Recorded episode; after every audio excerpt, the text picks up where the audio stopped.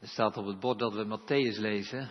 Dat betekent niet dat we het hele evangelie lezen, maar toch al dertien stukken. Ik heb nog nooit een preek uh, gehouden waar ik zoveel schriftlezingen gaf als deze. Dertien schriftlezingen. En ik had er, om eerlijk te zijn, nog wel meer kunnen kiezen. Ik heb me beperkt tot het evangelie van Matthäus alleen. En zelfs uit Matthäus heb ik niet alles aangehaald wat Jezus zegt over de hel. Want dat zal het thema van de preek zijn. Waarom spreekt Jezus over de hel? We gaan een aantal gedeelten lezen. Kijk, daar staan ze. Ja. Je kunt meekijken, je kunt meelezen. Het is goed om de aandacht ook te geven, de tijd te nemen in deze dienst voor de schriftlezingen. Jezus spreekt over de hel en we zullen zien hoe vaak hij dat doet. We kennen de woorden vaak wel, maar het zal ons denk ik opvallen en we, ons, we zullen ons erover verbazen hoe vaak en hoe intens Christus hierover gesproken heeft. Zo openen wij de schrift, de eerste schriftlezing, Matthäus 5, vers 21 en 22. U hebt gehoord dat tegen de ouden gezegd is, u zult niet doden. En wie dood zal door de rechtbank schuldig bevonden worden.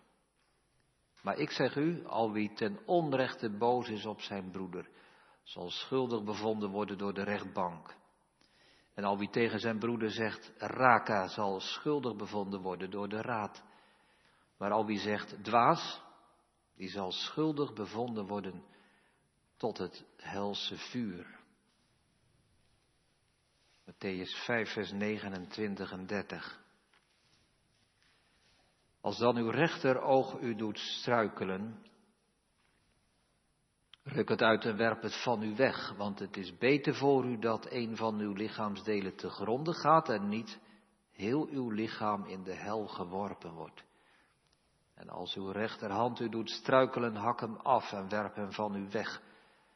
Want het is beter voor u dat een van uw lichaamsdelen te gronden gaat en niet heel uw lichaam in de hel geworpen wordt. We gaan naar Matthäus 7, vers 13 en 14.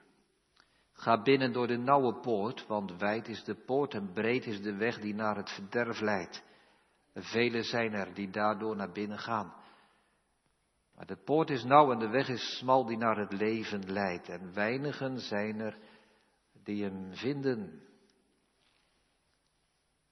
Matthäus 7, vers 21 en 22.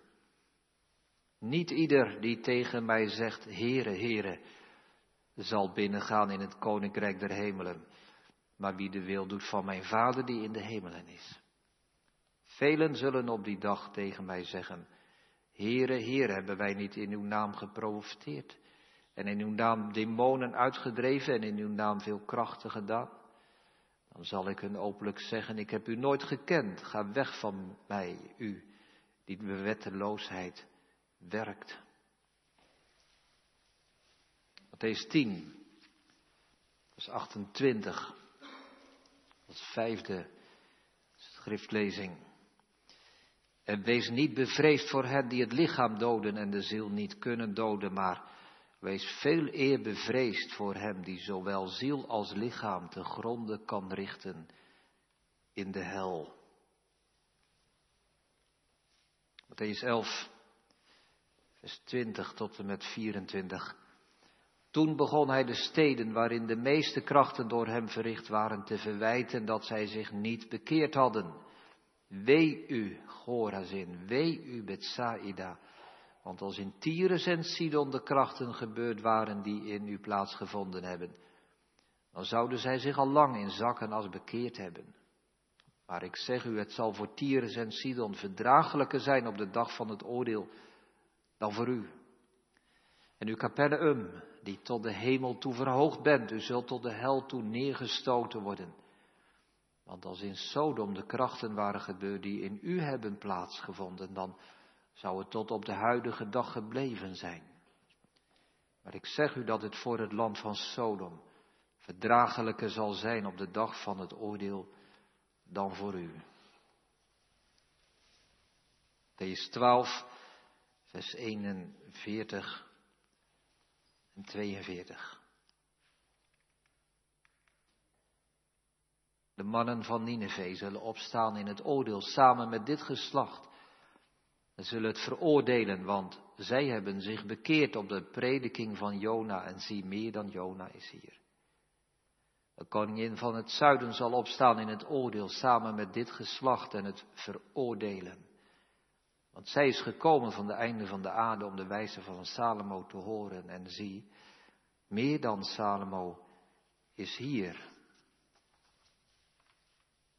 Matthäus 13, vers 40 tot en met 42. Zoals dan het onkruid verzameld en met vuur verbrand wordt, zo zal het ook zijn bij de voleinding van deze wereld. De zoon des mensen zal zijn engelen uitzenden en zij zullen uit zijn koninkrijk verzamelen alle struikelblokken en hen die de wetteloosheid doen. Maar ze zullen hen in de vurige oven werpen. Daar zal gejammer zijn en knars. Hoofdstuk 13, vers 47 tot en met 51. Koninkrijk der Hemelen is ook gelijk aan een net uitgeworpen in de zee dat allerlei soorten vissen bijeenbrengt. Als het vol geworden is, trekken de vissers het op de oever. Ze gaan zitten en verzamelen de goede vissen in vaten, maar de slechte gooien ze weg. Zo zal het bij de voleinding van de wereld zijn. De engelen zullen uitgaan en de slechten uit het midden van de rechtvaardigen afzonderingen. En ze zullen hen in de vurige oven werpen. Daar zal gejammer zijn. Een tandige knars. Jezus zei tegen hen, hebt u dit alles begrepen? Ze zeiden tegen hen, ja, heren. De tiende schriftlezing is uit Matthäus 16, vers 24 tot en met 26. Toen zei Jezus tegen zijn discipelen, als iemand achter mij aan wil komen, moet hij zichzelf verloochenen, zijn kruis opnemen en mij volgen. Want wie zijn leven zal willen behouden, die zal het verliezen. Maar wie zijn leven zal verliezen op mij, die zal het vinden. Want wat baat het een mens als hij heel de wereld wint en aan zijn ziel schade leidt? Of wat zal een mens geven als losprijs voor zijn ziel? Matthäus 24, vers 48 tot en met 51.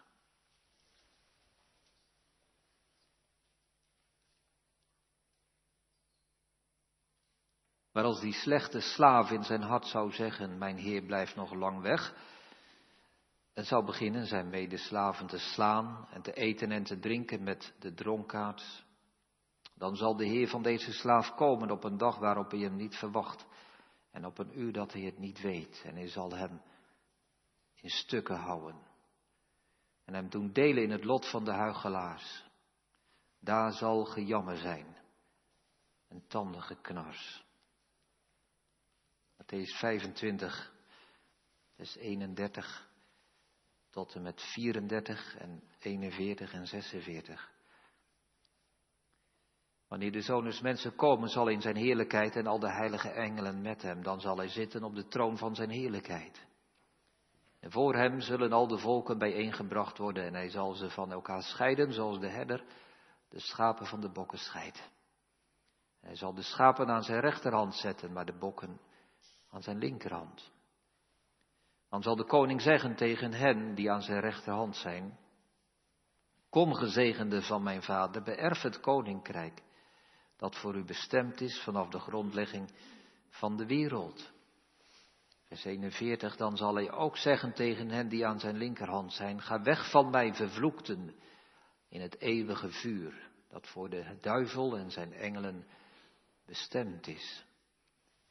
Vers 46, en deze zullen gaan in de eeuwige straf, maar de rechtvaardigen in het eeuwige leven. En dan tenslotte onze laatste schriftlezing uit Matthäus 27, vers 45 en 46.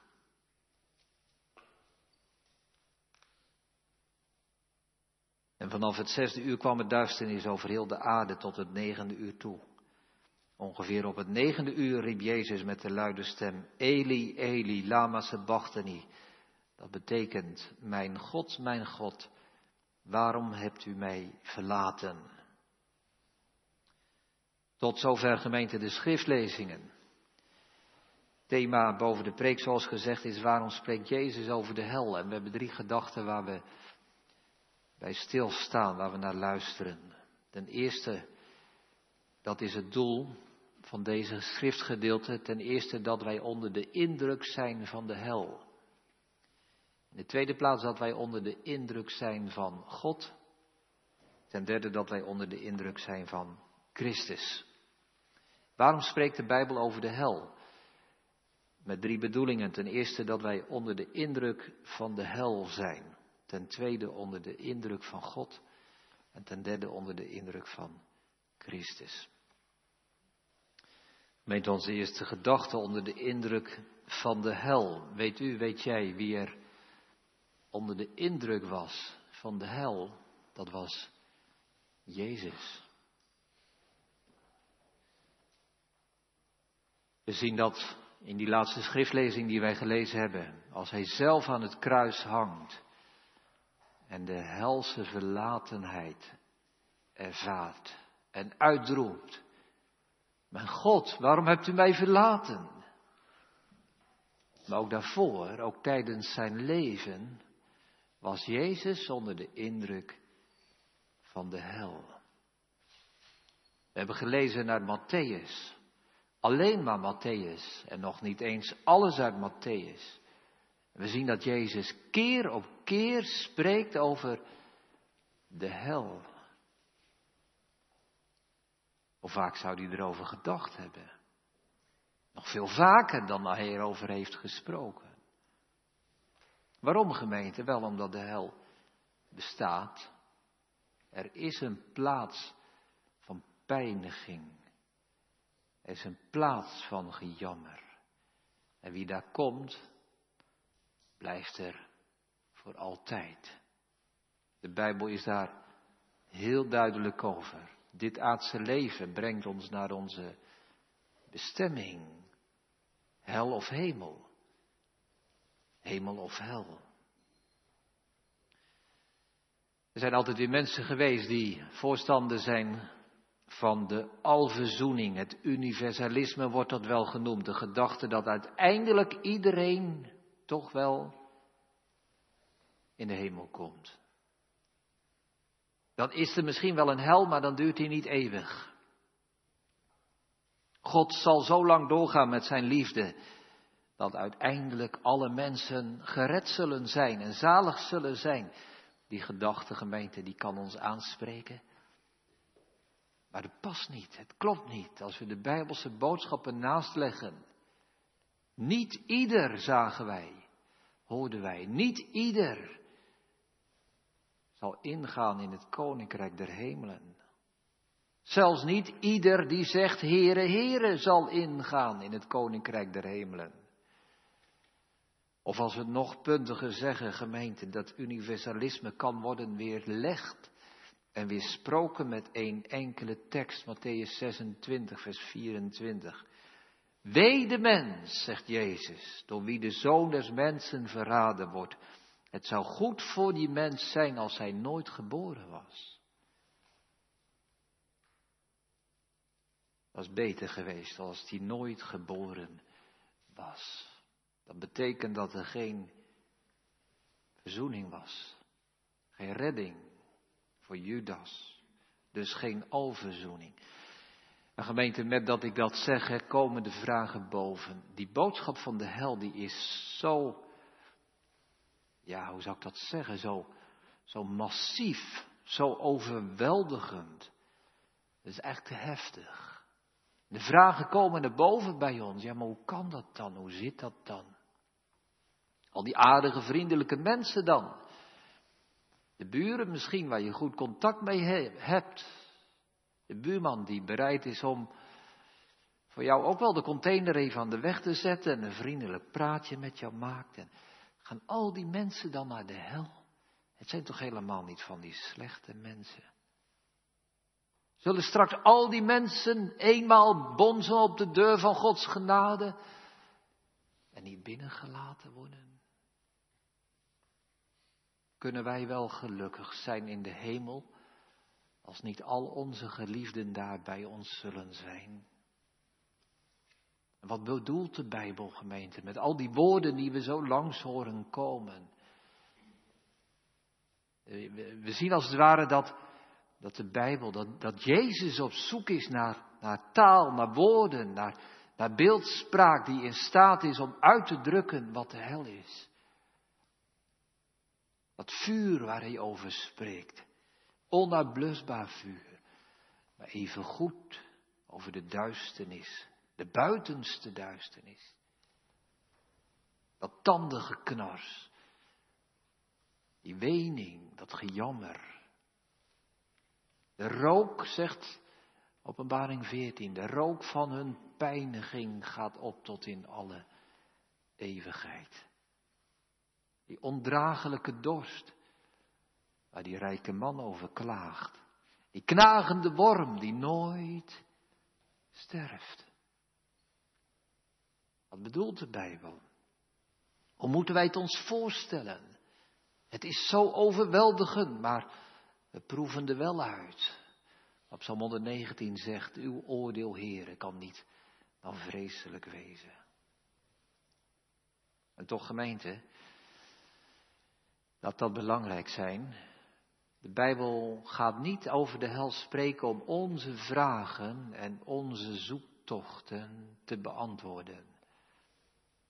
De bedoeling van de preek van vanmorgen is ook niet dat al onze vragen beantwoord worden.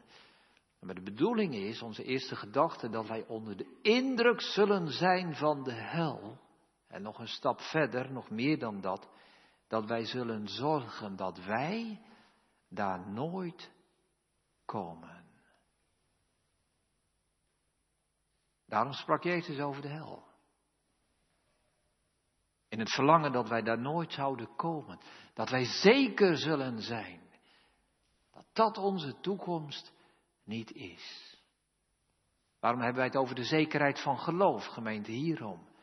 Is bekend van, vanuit de islam. Was een trouwe volgeling van, van Mohammed. Abu Bakr heet hij. elke moslimjongere kent die naam zoals bij ons de, de kinderen weten wie, wie, wie Petrus was, zeg maar. Daar moet je het mee vergelijken, Abu Bakr. Maar ze noemden hem de huilende man. Waarom noemden ze hem de huilende man? Hij wist zoveel van Mohammed, hij wist zoveel van de godsdienst van de islam. Maar deze man huilde zo vaak omdat hij zei, ik weet niet of ik straks wel in het paradijs mag komen. Of dat ik in de hel zal, zijn.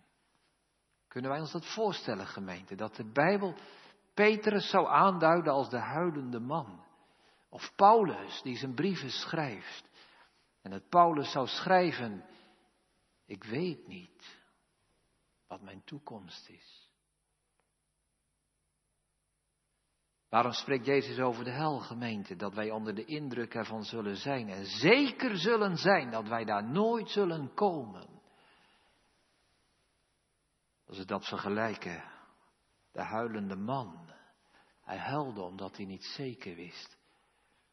Misschien huilen wij wat te weinig. Misschien lachen we wel te veel. Als wij leven zonder geloof en zonder bekering, gemeente, dan weten we zeker dat we daar wel komen.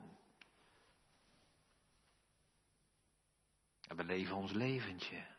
En we gaan weer rustig slapen. We zijn roekeloos in het verkeer af en toe.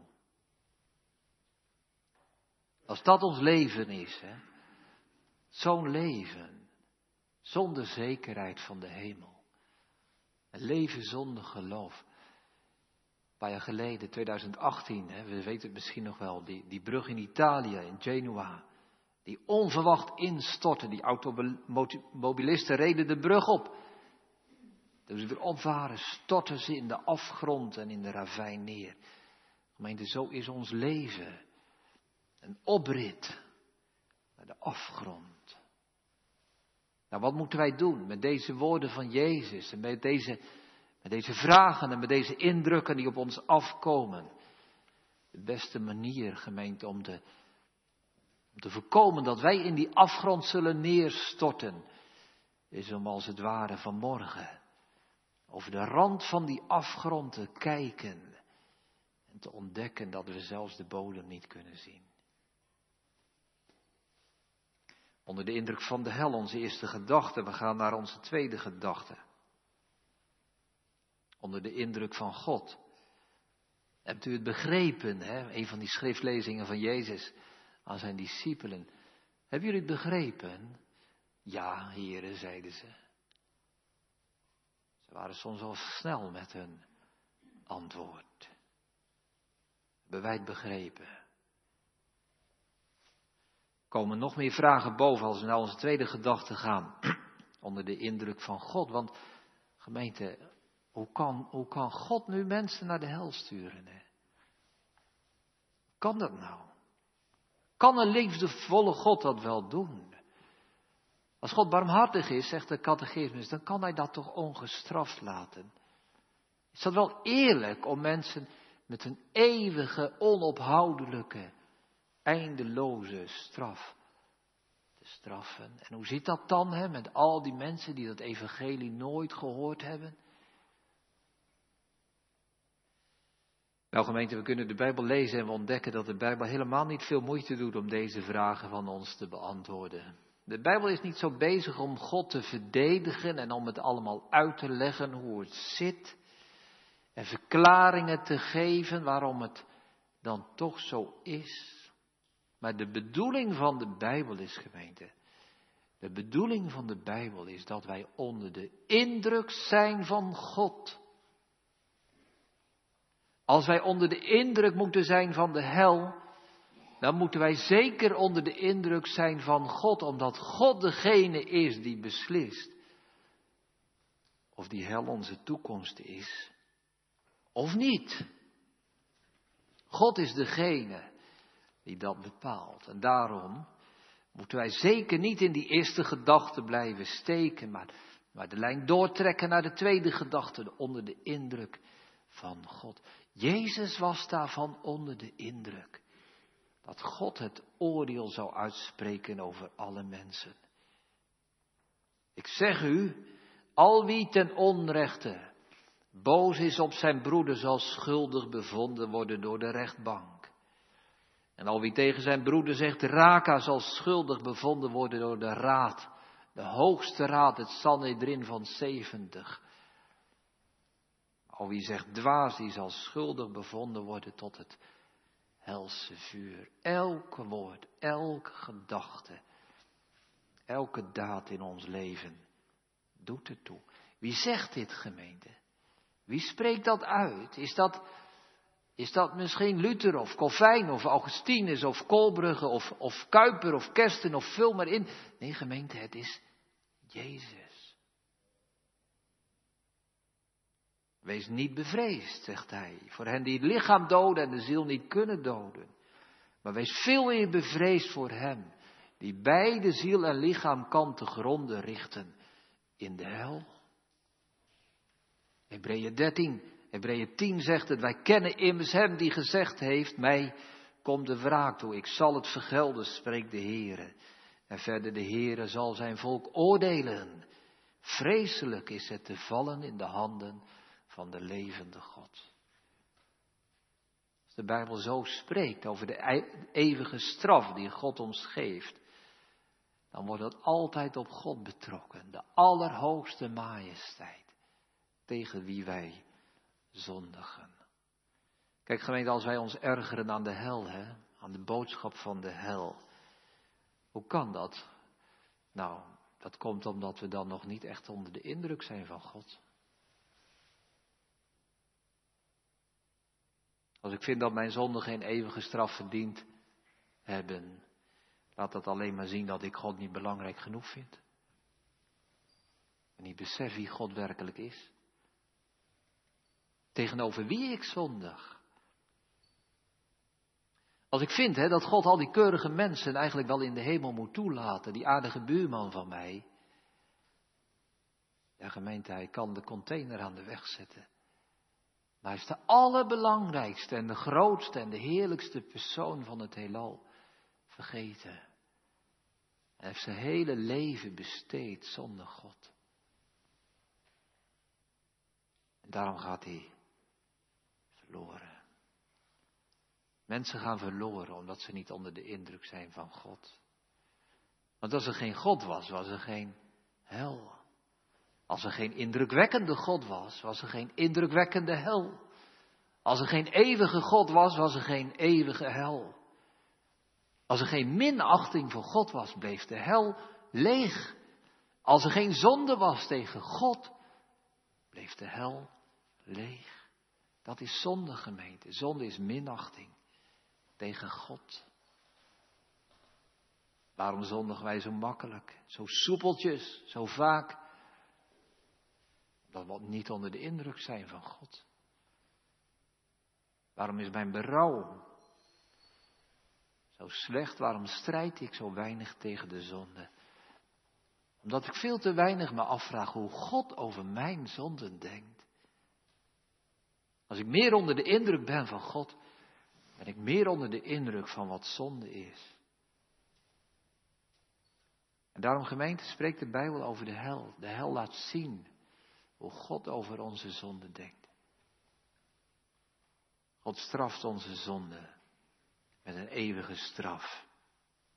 En alleen als wij onder de indruk zijn van God, gaan we anders naar onze eigen zonde kijken. Pas als wij God serieus nemen, nemen wij de hel serieus. Pas als wij onder de indruk van God zijn, dan ook van de hel. Luister gemeente opnieuw naar wat Jezus zegt over zonde. Als uw rechteroog u doet struikelen, zegt hij, ruk het uit en werp het van u, want het is beter dat een van uw lichaamsdelen te gronden gaat en niet heel uw lichaam in de hel geworpen wordt en als uw rechterhand u doet struikelen, hak hem af en werp hem van u weg.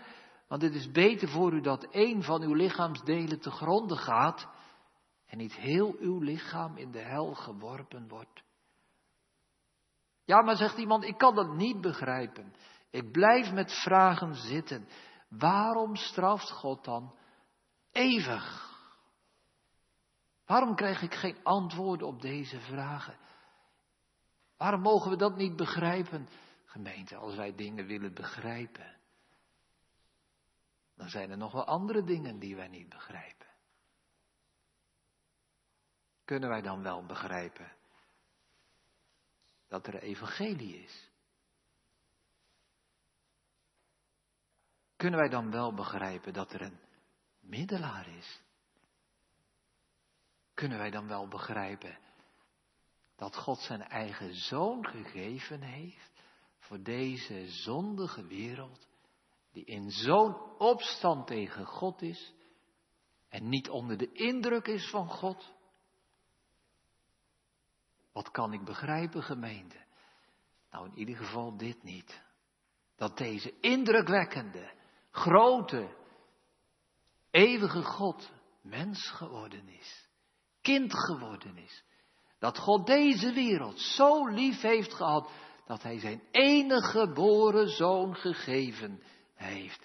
Luther zegt, als God aan ons één mooie dag, één mooie morgen gegeven had, met zo'n prachtige, indrukwekkende zonsopgang, één dag, dan had God ons al zoveel meer gegeven dan wij hebben verdiend. Maar God geeft ons niet een mooie zonsopgang. Ja, ook. Maar God geeft ons zijn zoon. Zijn eigen lieve kind. Kunnen wij dat begrijpen, gemeente? Vaders, moeders. Probeer eens, probeer eens een moment in te denken wat dat betekent. Zou ik als vader mijn kind over hebben voor mijn vijanden? Zou ik bereid zijn om mijn zoon de dood in te laten gaan voor mensen die mij altijd minachten? Zou ik in staat zijn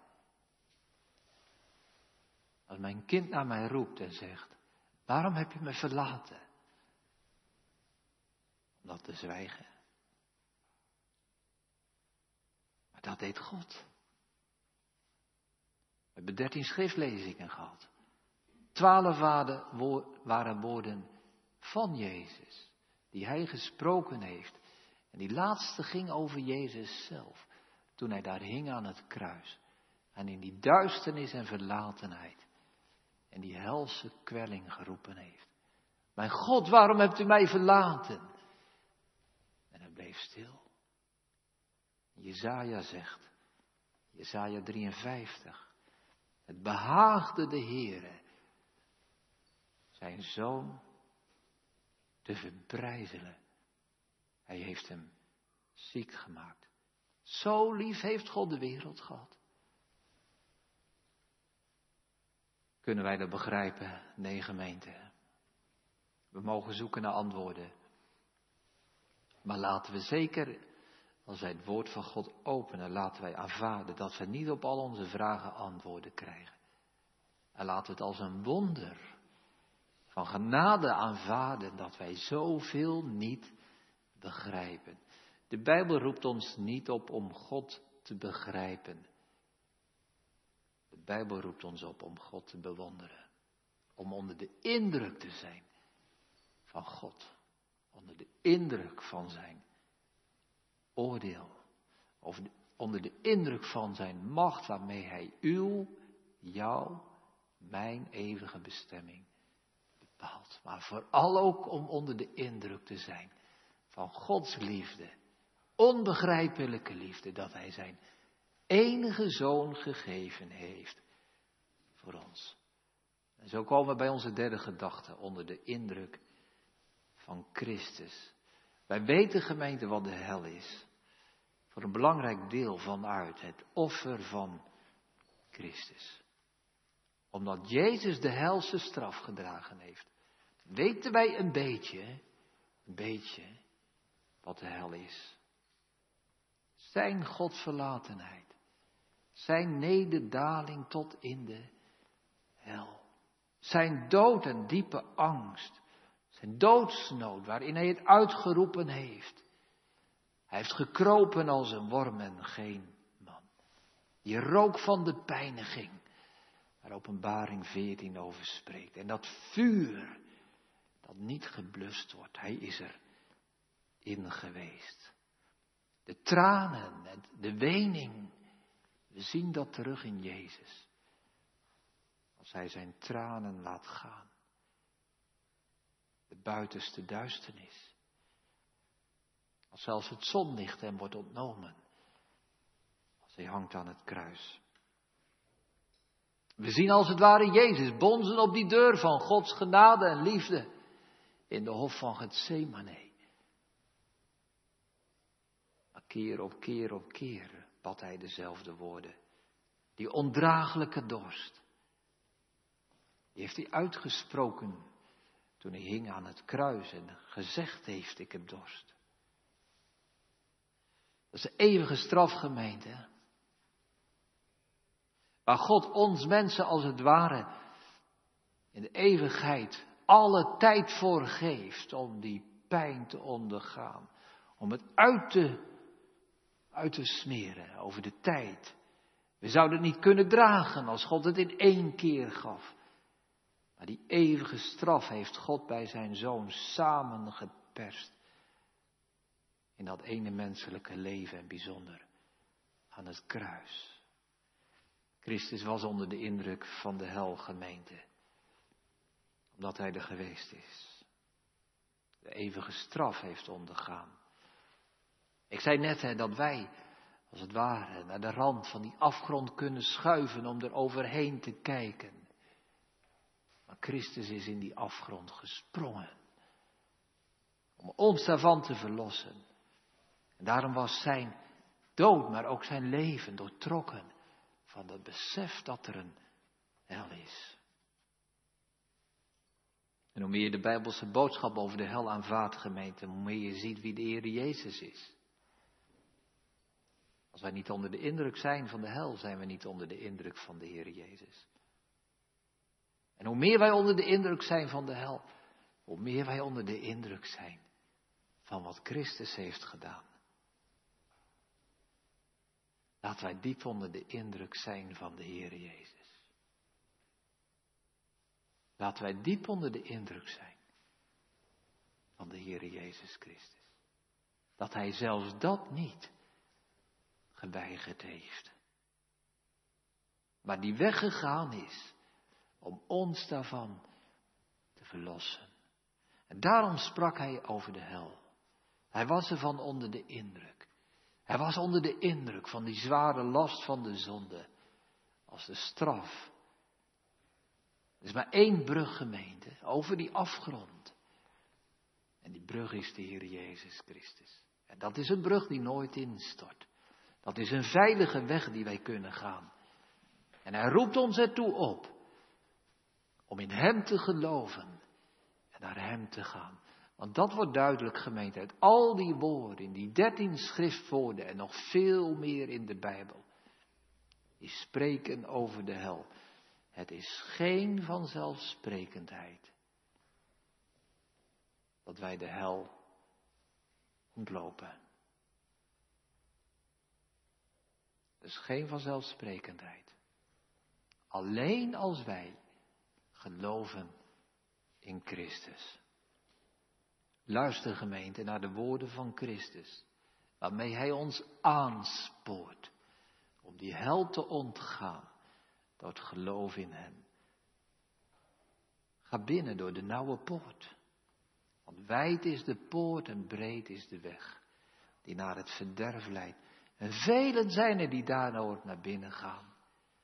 Maar de poort is nauw en de weg is smal die naar het leven leidt. Weinigen zijn er die hem vinden. En hij zegt over die dienaars van het evangelie, die gestuurd worden om die boodschap te brengen. Als iemand u niet ontvangt en niet naar uw woorden luistert, vertrek dan maar, zegt hij tegen deze dienaars. Vertrek dan uit dat huis of die stad en schud het stof van uw voeten. Voorwaar, ik zeg u, het zal voor het land van Sodom en Gomorra verdraaglijker zijn op de dag van het oordeel dan voor die stad.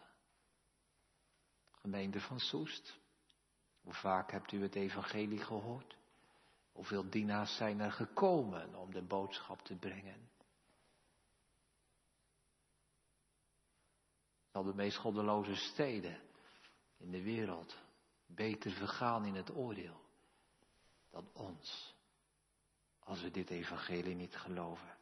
Toen begon hij de steden waarin de meeste krachten door hem verricht waren te verwijten dat ze zich niet bekeerd hadden. Wee u Gorazin, wee u Bethsaida, want als in Tyrus en Sidon de krachten gebeurd waren die in uw plaats gevonden hebben, dan zouden zij zich al lang in zakken als bekeerd hebben.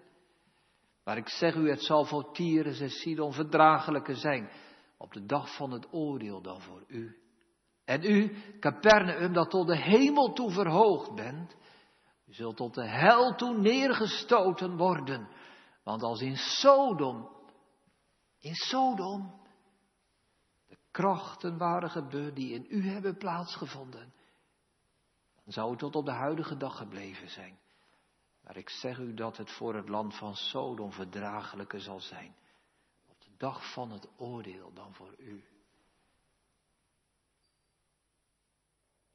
De mannen van Nineveh zullen opstaan in het oordeel samen met dit geslacht en zullen het veroordelen. Want zij hebben zich bekeerd op de prediking van Jona en zie meer dan Jona is hier. De koningin van het zuiden zal opstaan in het oordeel Samen met dit geslacht. Het veroordelen. Want zij is gekomen van de einde van de aarde om de wijsheid van Salomo te horen. En zie, meer dan Salomo is hier. Zal dat gebeuren, gemeente? Dat we straks staan voor de troon van God in het laatste oordeel. Hemel en aarde vluchten weg, zegt Johannes in het vergezicht van Johannes 20. Hemel en aarde durfden niet blijven staan voor de troon van God, maar wij zullen daar staan. zullen er dan mensen zijn, misschien ergens uit Siberië, waar ze een traktaatje kregen van een eenvoudige evangelist. Of iemand uit Afrika, die op zijn radio wel eens een berichtje heeft gehoord over Jezus. Of waar dan ook. En zullen ze opstaan tegenover ons en ons veroordelen. Zeggen, jullie, jullie hebben zo vaak de boodschap van Jezus gehoord. En je niet bekeerd. Het is geen vanzelfsprekendheid, gemeente, dat wij de hel ontkomen. Luister nog een keer, gemeente. Een groot deel van deze preek bestaat eenvoudig uit citaten uit de Bijbel. De woorden van Jezus. Hij zei, ik vraag u dan. Dat zijn de woorden van die rijke man. Ik vraag u dan, vader Abraham, dat u hem naar het huis van mijn vader stuurt, want ik heb vijf broers. Laat hij dan tegenover hen getuigenis afleggen, opdat ook zij niet komen in deze plaats van pijniging. Abraham zei tegen hem, ze hebben Mozes en de profeten. Laten ze naar hen luisteren. Hij echter zei, nee, nee, vader Abraham, maar als iemand van de doden naar hen toe zal gaan, dan zullen zij zich bekeren. Maar Abraham zei tegen hem, als zij naar Mozes niet en de profeten niet luisteren, zullen zij zich ook niet laten overtuigen als iemand uit de doden zou opstaan.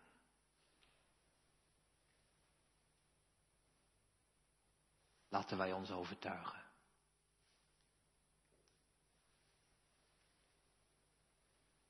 Of zijn we net als deze rijke man? En laten we ons niet overtuigen door Mozes en de profeten en zelfs niet door Jezus. Het is niet zo vanzelfsprekend, gemeente, dat wij de hel ontslopen en ontkomen. En daarom sprak Jezus er zo vaak over. Maar hij deed meer dan dat. Hij gaf ons zijn belofte. En hij zegt het, wie in de zoon gelooft, heeft eeuwig leven. Maar wie de zoon van God ongehoorzaam is, zal, zal het leven niet zien, maar de toorn van God blijft op hem. Wie de zoon ongehoorzaam is, zal het leven niet zien, maar de toorn van God blijft op hem. Maar wie in de zoon gelooft, heeft eeuwig leven. Gemeente, wat een boodschap die Christus ons geeft. Wat een geweldige boodschap waar wij zeker van mogen zijn. Wij hoeven niet de huilende man, de huilende vrouw, de huilende jongen of een meisje te zijn. In die angst en onzekerheid dat ik zeg, ik weet niet wat mijn bestemming is. Wij mogen horen wat Jezus zegt. Wie in de Zoon gelooft, heeft eeuwig leven. We kunnen het niet begrijpen, gemeente. We hoeven het niet te begrijpen. We willen het niet klein krijgen, maar we aanvaarden het. We luisteren naar die woorden van Jezus, die het ons belooft. Wie in de Zoon gelooft, heeft eeuwig leven. Amen.